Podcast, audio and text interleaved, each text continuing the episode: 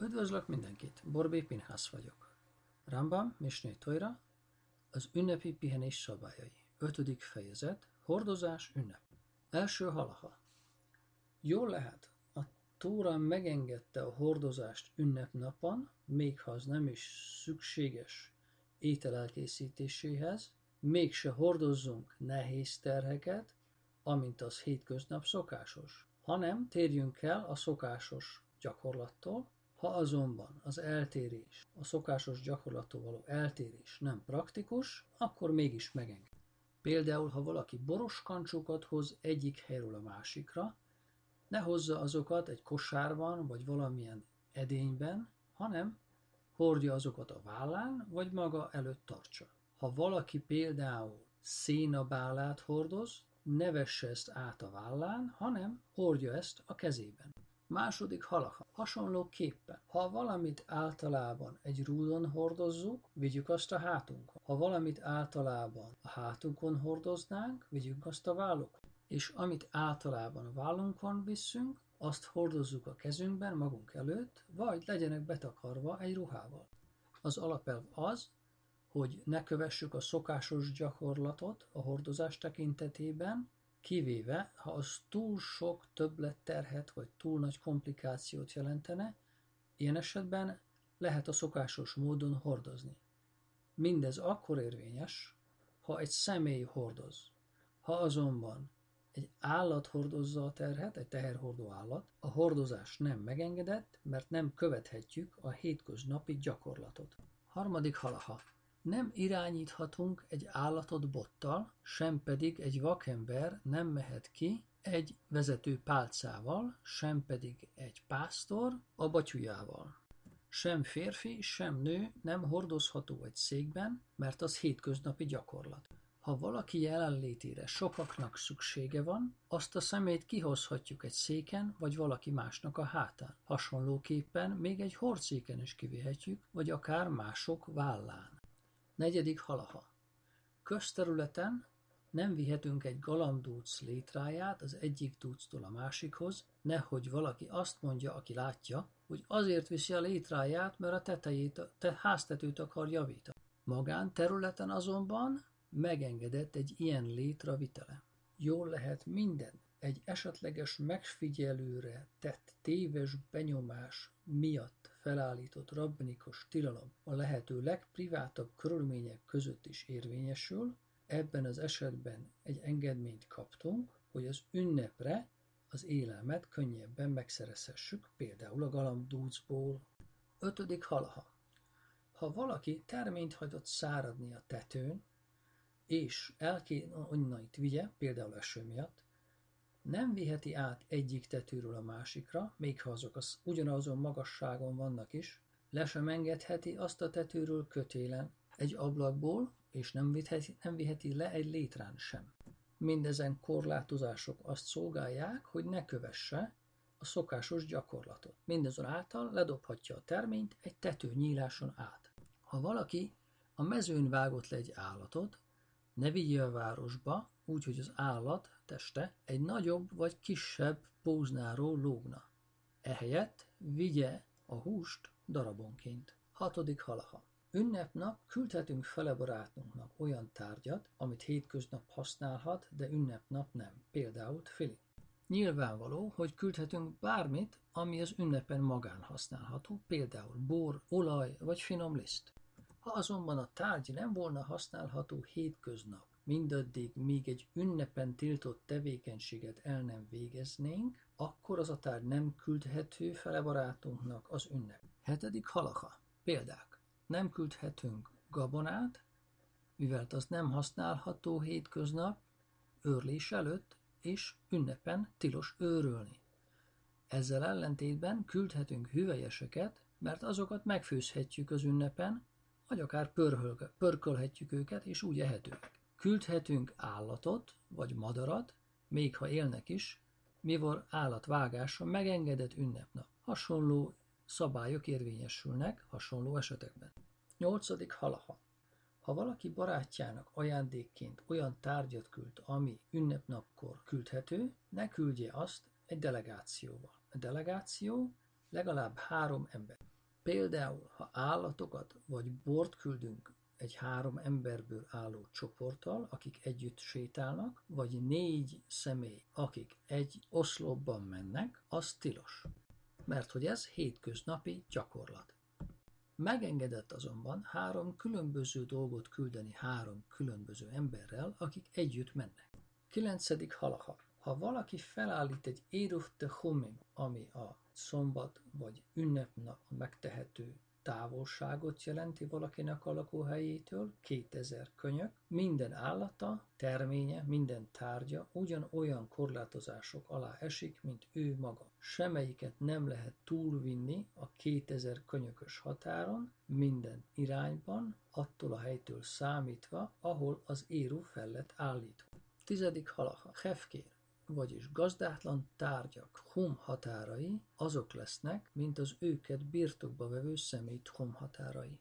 Egy nem zsidó személyhez tartozó tárgyak Tchum határait az illető ünnep kezdetekori tartózkodási helye határozza meg. Onnantól számított 2000 könyök van megengedve azon tárgyaknak minden irányba. Ez egy dekrétum, a nem zsidók tulajdonolta tárgyak mozgását korlátozzuk, mert a zsidók tulajdonolta tárgyak korlátozva vannak. Ha valaki gyümölcsöt a tchum határon túlra vitt, még ha dafke az erre vonatkozó tilalom megszegése szándékával tette azt, nincs megtiltva, ha azután visszajött, a tchum határon belül azt a gyümölcsöt ide meg oda vinni. Ez hasonlónak van tekintve, mintha valakit, egy személyt kényszerrel kivinnének a tchumból, majd visszahoznék oda.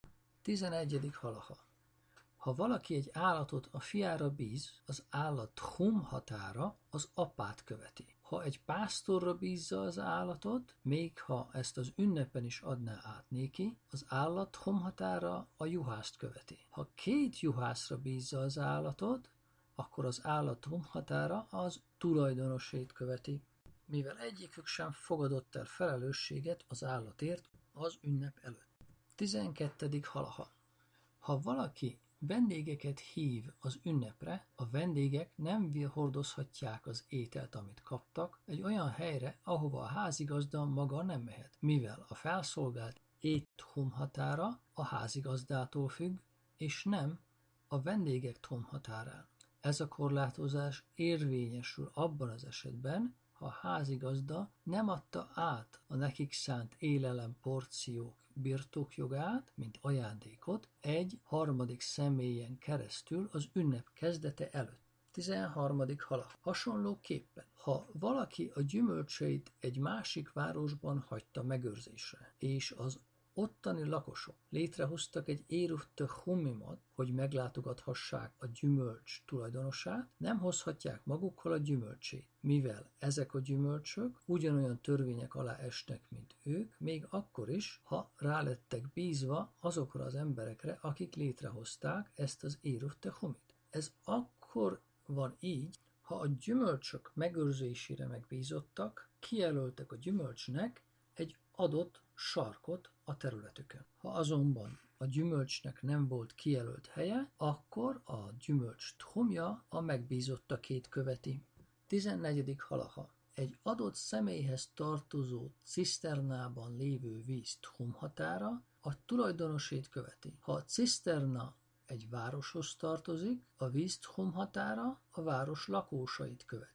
A Babilóniából jövő zarándokok számára készített ciszternában lévő víz teljes mértékben köztulajdonnak számít, és a vizet húzó ember Thum határát követ. Viheti bárhová, ahova ő is mehet. Vízfolyások és források vizének Thum határa a vizet húzó emberét követi. Még ha a víz, az ember Thum határán kívülről is érkezik, nyugodtan vehetjük a vizet, még szombaton is, pláne Jontovkor.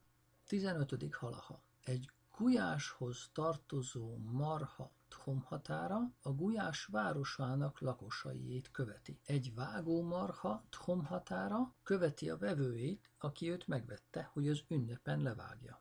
Ez egy könnyítés, mivel ezt az állatot vágásra hizralták, mindenki tudta róla, sokan jönnek, akár távolról is, hogy megvegy. Hasonlóképpen, ha egy vágómarha tulajdonosa levágta azt az ünnepen, és húsát eladta több különböző vevőnek, mindegyik vevő hozhatja a húst a saját helyére, ahova ő maga mehet. Ennek a könnyítésnek az oka az, hogy az ünnep előtti napon a vágómarha tulajdonosa már gondolt arra, hogy sokan a környékből fognak jönni, hogy vegyék a húst. Ezáltal a vágómarha hasonlatossá vált az arándokoknak kijelölt kúthoz, ahonnan a vizet köztulajdonként kezeljük. 16. halaha Parázs Tchum határa a tulajdonosét követi, és nem azért a személyét, aki kölcsönvette. Láng Tchum határa ezzel ellentétben a lángot hordozó személyé lesz. Így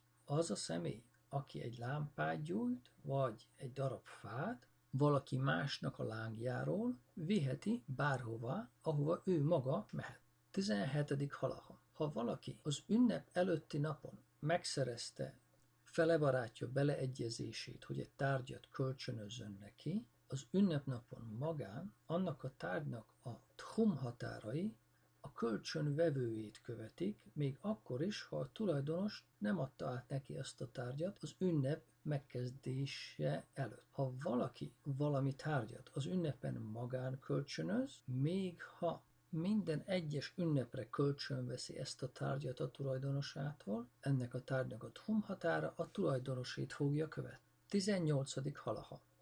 Egy ünnep előtt ketten is kikölcsönzik ugyanazt a kabátot egy tulajdonostól, az egyik délelőtre, a másik délutánra, az ünnepnapra, a kabát határa a két kölcsönvevő együtt kell legyen, csak olyan helyre mehet, ahova mindketten mehetnek maguk is. 19. halaha.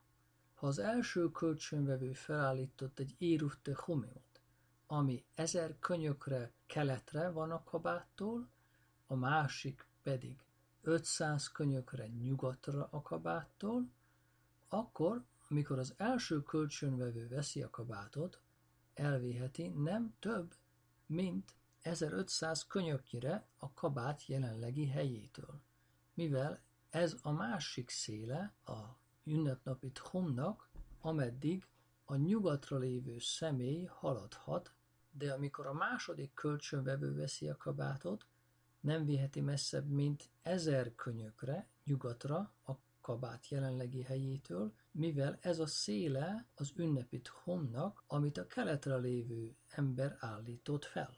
Ezek szerint, ha a két kölcsönvevő közül az egyik 2000 könyöknyire vette fel a sajátját, saját íruvját a kabától, és a másik 2000 könyöknyire nyugatra a kabáttól, nem mozdíthatják semennyire se. 20. halaha. Hasonlóképpen, ha egy asszony vizet vagy sót kölcsönöz egy barátnőjétől, hogy tészta dagasztásához használja, vagy valamilyen étel készítéséhez, a tészta vagy az élelem thum határa mindkét asszony által lesz meghatározva. Hasonlóképpen, ha két vevő összetársult, vett egy állatot, és meg levágták ünnepen, a hús thum határa függeni fog mindkettejüktől.